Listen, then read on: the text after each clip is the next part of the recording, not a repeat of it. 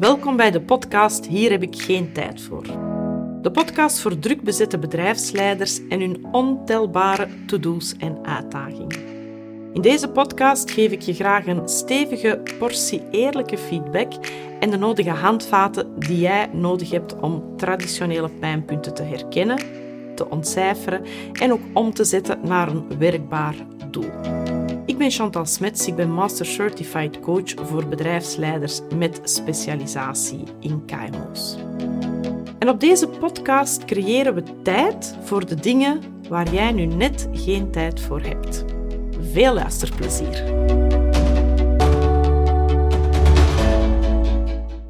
Hey, ondertussen zijn we al aan aflevering 8. Uh, misschien zijn er nieuw nu op deze podcast. Uh, de podcast eh, Hier heb ik geen tijd voor. Die is speciaal ontwikkeld voor leiders die weinig tijd hebben. En daarom hou ik het altijd bewust rond de 20 minuten, omdat dat exact de tijd is van een autorit door uh, de doorsnee mensen werk-woonverkeer. Nu goed, uh, elke keer start ik met een quote die uit het boek 52 quotes voor leiders komt. En vandaag wil ik de quote deponeren. Winnen begint altijd bij beginnen. Voilà. Ik ben Chantal Smets, voor de mensen die mij nog niet kennen. En uh, ik hou mij eigenlijk in dagdagelijks leven bezig met trainingen, time management, time and energy management eigenlijk, want dat gaat voor mij samen. Uh, wij maken bedrijfsculturen voor, uh, voor bedrijven. Wij begeleiden ook heel veel leiders in hun persoonlijk leiderschap. en ik hou er dus van om mensen te zien groeien. Deze podcast gaat over tijd maken voor toekomstplannen. En wat gaan we nu zoal leren uh, in deze podcast? Eerst en vooral, succes, dat valt niet uit de lucht. Om succes te hebben heb je veel voorbereiding nodig. En waar moeten dan ook allemaal mee rekening houden? En ik kan u verzekeren, ik zit hier nu rustig een babbel voor u te maken, maar er is hier heel veel voorbereiding aan vooraf gegaan. Um, ik heb hier een team zitten die ervoor zorgt dat hier alles perfect verloopt. En ik moet maar babbelen, maar ook die teksten uiteraard zijn voorbereid. Dat komt niet vanzelf. En onlangs uh, was ik een podcast van 50 koffies aan het beluisteren.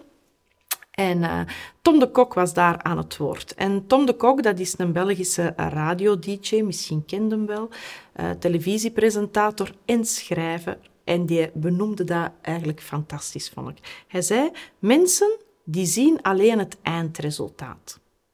En eigenlijk wat wij hier doen, is een toneelstuk creëren. En hij benoemde dat ook zo. En ik dacht, ja, dat is eigenlijk helemaal waar wat dat hij zegt. Hij zegt, alles heeft zoveel voorbereiding nodig. Hè. Hij, hij verwoordde dan ook dat hij tijdens de zomermaanden heel veel tijd had besteed aan de voorbereidingen van zijn radioprogramma voor het najaar. Maar wanneer dat je er dan als luisteraar naar luistert, dan lijkt het of hij gewoon eventjes achter eh, de micro gaat zitten en zijn ding snel even doet. Natuurlijk, we weten allemaal, niks is minder waard. Minder waar, sorry. Uh, professionalisme, dat vraagt denktijd en dat vraagt voorbereiding. En zo is dat ook met toekomstplannen maken.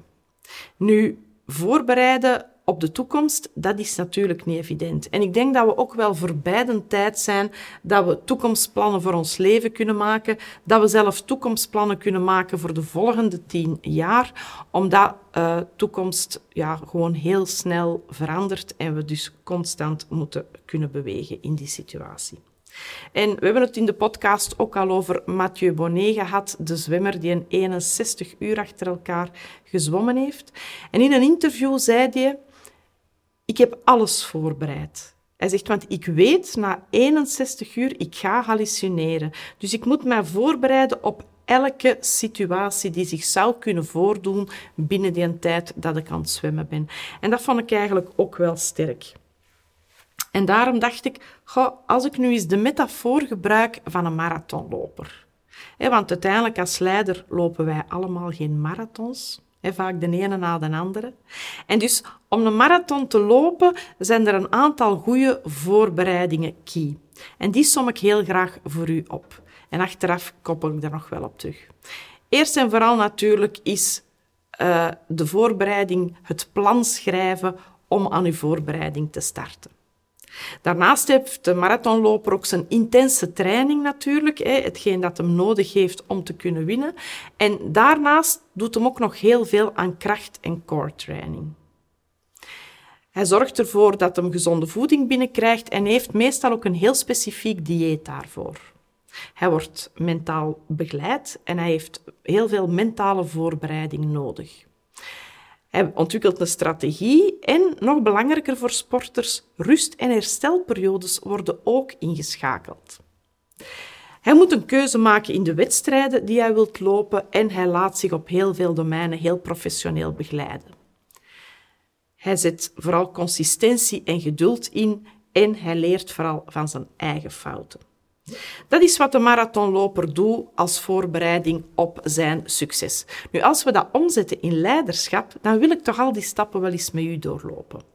In eerste instantie, om een marathon te winnen, is die goede voorbereiding key, maar maak ook een plan. Dus schrijf uit hoe je die voorbereiding wilt gaan doen. Als we dan naar die intensieve training kijken, die die marathonloper doet, dan is het misschien wel uw taak als leider om vooral te werken aan uw leiderschapsvaardigheden. Jij moet fysiek die marathon niet lopen, maar jij moet je wel als leider ontwikkelen om heel krachtig uw leiderschap in de wereld te zetten. Als we dan gaan kijken naar die kracht- en core training, wat zien we dan daar gebeuren? Daar is het wel een uitdaging om voor uzelf te werken aan uw core. En dan bedoel ik echt uw waarde, aan uw kern, aan uw grens. Uw ethiek bepalen. Het puntje vier is dan dieet en voeding. En om dat dan wat figuurlijker te nemen, voedde jij je eigenlijk met kennis. Voedde jij je met vaardigheden. En dan gaat het niet over uw vakdomein. Nee, ik nodig u echt uit om eens buiten uw eigen vakdomein voeding te gaan opdoen. Ik vind het altijd heel inspirerend als ik mij buiten mijn eigen vakdomein begeef, wat ik daar kan leren. En het vijfde puntje is de mentale voorbereiding. Heb je genoeg veerkracht om keuzes te maken? om knopen door te hakken? Is het voor u haalbaar om dat allemaal op voorhand al in te plannen? Denk aan de zwemmer van op de momenten dat het moeilijker gaat, dat je je al beschermd hebt. Dat je al weet wat uw antwoorden gaan zijn. En de zesde stap is strategie. En dat wil eigenlijk zeggen, heb je al een visie bepaald? Is er al een richting die aangegeven is? Heb je die al bepaald? En als je die dan al bepaald hebt, Weet dan ook dat je onderweg wendbaar genoeg moet zijn, flexibel genoeg moet zijn om die een bocht te nemen als het plots anders loopt. Als we dan naar rust en herstel gaan, daar hebben we dan ook al een aflevering aan gewijd, dat is belangrijk om burn-out te vermijden. Want als leider is uw veerkracht belangrijk en daar heb je rust- en herstelperiodes voor nodig. En dan de wedstrijdselectie. Je kunt niet op alles ja zeggen. Maak bewust keuzes. Leer nee zeggen tegen de dingen die geen prioriteit hebben. Je kunt niet elke wedstrijd winnen. En dan natuurlijk professionele begeleiding. Heb je een coach of een mentor die je begeleidt? In Amerika is dat gewoon standaard dat elke leider, elke topleider zijn coach of zijn mentor heeft. Misschien toch ook wel eens iets om over na te denken. En dan hebben we nog consistentie en geduld. Volharding. Ik denk als leider dat dat toch ook een enorm talent is als je weet dat je niet elke keer instant resultaat uh, kunt bereiken. En daar is geduld natuurlijk een hele mooie deugd voor. Dus hoeveel geduld hebben, hoeveel geduld kun je opbrengen, dat is vaak voor heel veel leiders, merk ik, toch ook wel een uitdaging. En dan is het natuurlijk de uh, reflectie, de zelfreflectie, leren van je eigen fouten. Bijsturen, corrigeren, aanpassen, opnieuw doen, dat is eigenlijk wat je nodig hebt. En dit toont eigenlijk aan dat uh, efficiënt leiderschap dat dat geen sprint is, maar dat dat eigenlijk een lange afstandswedstrijd is. En dat je er echt heel goed kunt en mocht op voorbereiden. Dus maak een planning. Zorg dat uw voorbereiding duidelijk is. Zorg voor die volharding, voor dat volhouden. Zij consequent in wat je doet. En al die ingrediënten, dat zijn eigenlijk heel mooie eigenschappen om succesvol te zijn in uw leiderschap. Nu, je kunt dat downloaden, je kunt die stappen allemaal downloaden. Uh, er zal zeker een link hieronder staan uh, en zo kun je dan uh, die een download aanvragen. Misschien wel eens interessant voor u om daar stapsgewijs door te gaan. Nu, misschien zeg je wel van ja, dat is allemaal goed Chantal, maar ik ben geen marathonloper. En ik loop wel elke dag van links naar rechts en terug. Je verdringt in het dagdagelijkse werk. Je doet eigenlijk niks anders dan blandjes blussen, delegeren, oplossingen zoeken, je team bijsturen. Dat zou best kunnen dat dat je dagdagelijkse activiteit is. En Probeer dan de truc van de open en de gesloten deur te gebruiken. Zorg ervoor dat je je grenzen stelt naar je mensen, waardoor dat je tijd krijgt om die beste wedstrijd te lopen, om die wedstrijd te winnen vooral. En zo kwam ik enkele jaren geleden in een heel groot bedrijf terecht in Brussel. En ik wil u dat toch vertellen om u een idee te geven wat ik eigenlijk allemaal bedoel met die wedstrijd te winnen. En ik kwam daar beneden aan en uh, ja, dat was eigenlijk wel tof. Uh, er stond altijd een wc, madame, en ik had zo lang in de file gestaan dat ik uiteraard naar het toilet moest. En dat was een heel lieve madame. En dat toilet, dat zag er altijd spik en span uit. Dat was eigenlijk echt wel tof. En die madame, ik maakte er altijd een praatje mee. Uh, en dan ging ik naar het tweede verdiep. En op het tweede verdiep zat de secretaris. En ja, eigenlijk was die echt wel goed in wat ze deed. Die kon gemakkelijk drie lijnen tegelijk aannemen. Die was altijd heel vriendelijk, heel correct. Die kende mij natuurlijk na een tijd ook wel. En dan, de volgende stap was dat ik naar tiende verdiep mocht. En op tiende verdiep, daar zat de CEO. En de CEO, ik moet het u niet vertellen, die had een heel groot kantoor, zicht op heel Brussel. Prachtig. Ik was altijd eigenlijk wel blij dat ik er naartoe mocht. En goed, uh, ik kom daar dus aan in Brussel en uh, ik maakte mij de bedenking, zou die CEO er nu ooit aan gedacht hebben als de toiletdame of de secretaris ziek was om die te vervangen? En natuurlijk is het antwoord nee. En waarom? Omdat je CEO, die krijgt dat nog niet in zijn gedacht. Maar hoe vaak zie ik niet bij kleinere ondernemingen dat de CEO van het bedrijf en de secretaris en de toiletmadame is? En dat mag niet de bedoeling zijn. Dus als je keuzes maakt, denk ook eens na wat uw rol is. Waar zijn er misschien te duur voor? Er zijn bepaalde taken die niet voor u zijn weggelegd. En alleen die keuze maken, die kan wel bepalen of je de wedstrijd wint of niet wint. Dus de cruciale vraag in dit verhaal is van, wat laten los? Waar zijn er te duur voor? Waar zijn er misschien zelf de belemmering van uw eigen bedrijf? En dat is toch wel een vraag die ik ook wel vaak aan bedrijfsleiders moet stellen, want we zijn er soms blind voor. En ik ben soms ook ziek in datzelfde bedje. Ik durf dat ook toegeven. En mijn medewerkers die durven feedback geven en mij daarop terugkoppelen. En ik vind dat altijd fantastisch. En belangrijk als leider is, je moet in de cockpit van je vliegtuig zitten. Dat is uw taak. Het is belangrijk om al die knopjes te kennen die er zijn en te weten waarom dat je die gebruikt. Maar je moet die allemaal niet zelf gebruiken. Je hebt een co-piloot. Voor u is belangrijk dat je de route uitstippelt, dat je veilig aankomt, dat je veilig kunt landen. Maar laat de dingen die u niet dienen, of de, de dingen die vooral het bedrijf niet dienen, laat die alsjeblieft over aan anderen. En onlangs uh, was Bert bij mij op coaching. Nu, wat moeten van Bert weten? Als die op coaching komt, je ziet het al gebeuren, mijn mondhoeken die gaan gewoon krullen. Waarom? Die is zo goed slags, dat is zo'n positieve mens. En die heeft echt het beste voor met zijn mensen. Als ik zie wat hij allemaal aanbiedt aan zijn mensen, echt wauw. Nu, de Bert die houdt niet van te veel formaliteiten. Dus dat is altijd zo een heel relaxed gesprek. Um, en de Bert is dus bij mij gekomen uh, op een gegeven moment met de vraag: binnen tien jaar ga ik op pensioen en ik wil al beginnen plannen. Dat gebeurt niet vaak dat bedrijfsleiders zo lang op voorhand al bij mij komen om een planning te maken. Maar wat merk ik wel meer? Dat uh, leiders wel bewust zijn van het feit dat op een bepaald moment hun bedrijf niet meer hun leven gaat bepalen. En dat vind ik eigenlijk wel heel tof. Maar goed, terug naar de Bert. Uh, Bert dat is een krak in zijn vak. Die weet alles. Dat is ongelooflijk hoe, hoe dat hij alles in zijn brein gecapteerd heeft. Uh, maar die wou toch een planning, want je zegt, ik wil dat bedrijf goed achterlaten. Ik wil dat dat bedrijf nog sterker wordt als ik er niet meer ben. Dat is natuurlijk heel mooi. Alleen wist hem niet hoe hem dat moest doen.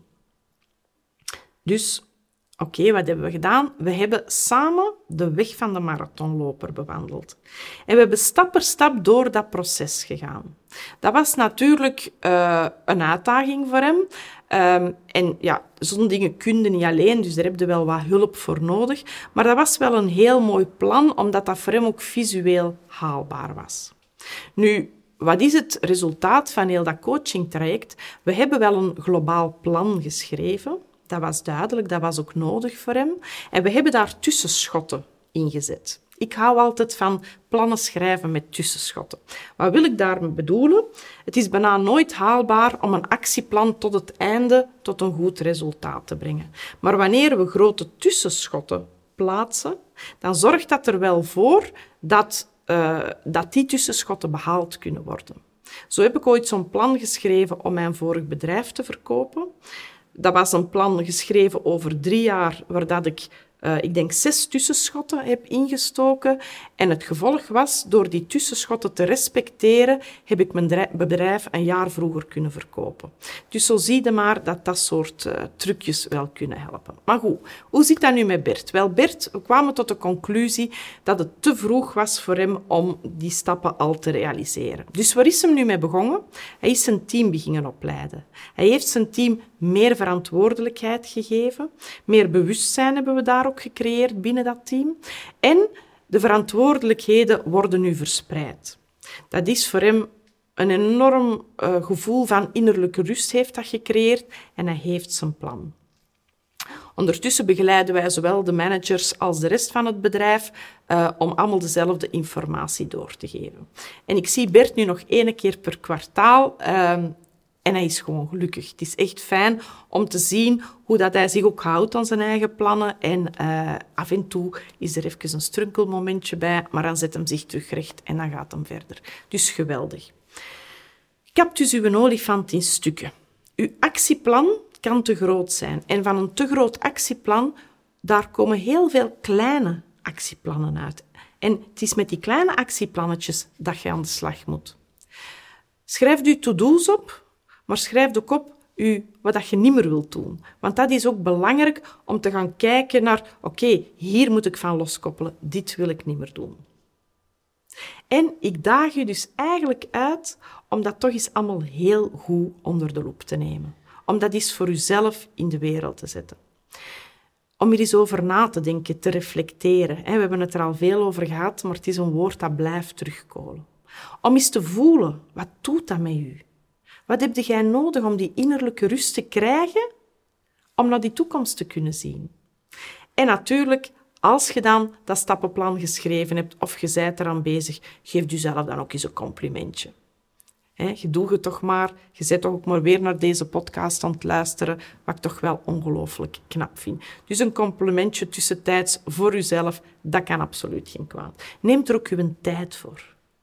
Af en toe misschien er ook eens niet mee bezig zijn. Loslaten, ademruimte creëren. Fantastisch.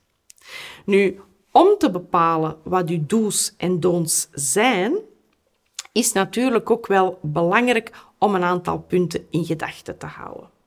Heb je daar vragen over? Stuurt mij absoluut gerust een berichtje. Ik geef u graag wat tips en tricks mee. Um, dat helpt. Je mocht mij ook gewoon bellen ervoor. Um, ik kan u ook de lijst doorsturen. We hebben genoeg andere tools om alvast van start te gaan. En het feit dat je naar deze podcast luistert, dat doet mij al heel veel plezier. En ik denk dat het nu aan mij is om u een complimentje te geven. Dus hou vol, zet u klaar. Je hebt een growth mindset, je wilt vooruit. En dat kan ik niet meer doen dan ongelooflijk hartelijk uh, ja, feliciteren, u een dikke proficiat daarvoor wensen. En waar een wil is, daar is altijd een weg. Dat weten we ondertussen wel. Wat kun je dus allemaal meenemen uit deze podcast? Eerst en vooral, voorbereiding is key. Denk aan Tom de Kok, denk aan Mathieu Bonnet. De lessen van de marathonloper, neemt die zeker mee. Download die, uh, je vindt hieronder de link. En het verhaal van de CEO. Je kunt niet alle rollen vervullen. En waar zijn de misschien te duur voor? Dus wat moeten loslaten? Goed, in de volgende podcast heb ik het met u over zuivere communicatie. Als je mensen kent die deze info heel goed kunnen gebruiken, stuur het gerust door, geef de likes, altijd tof voor ons en uh, ik zou zeggen actie.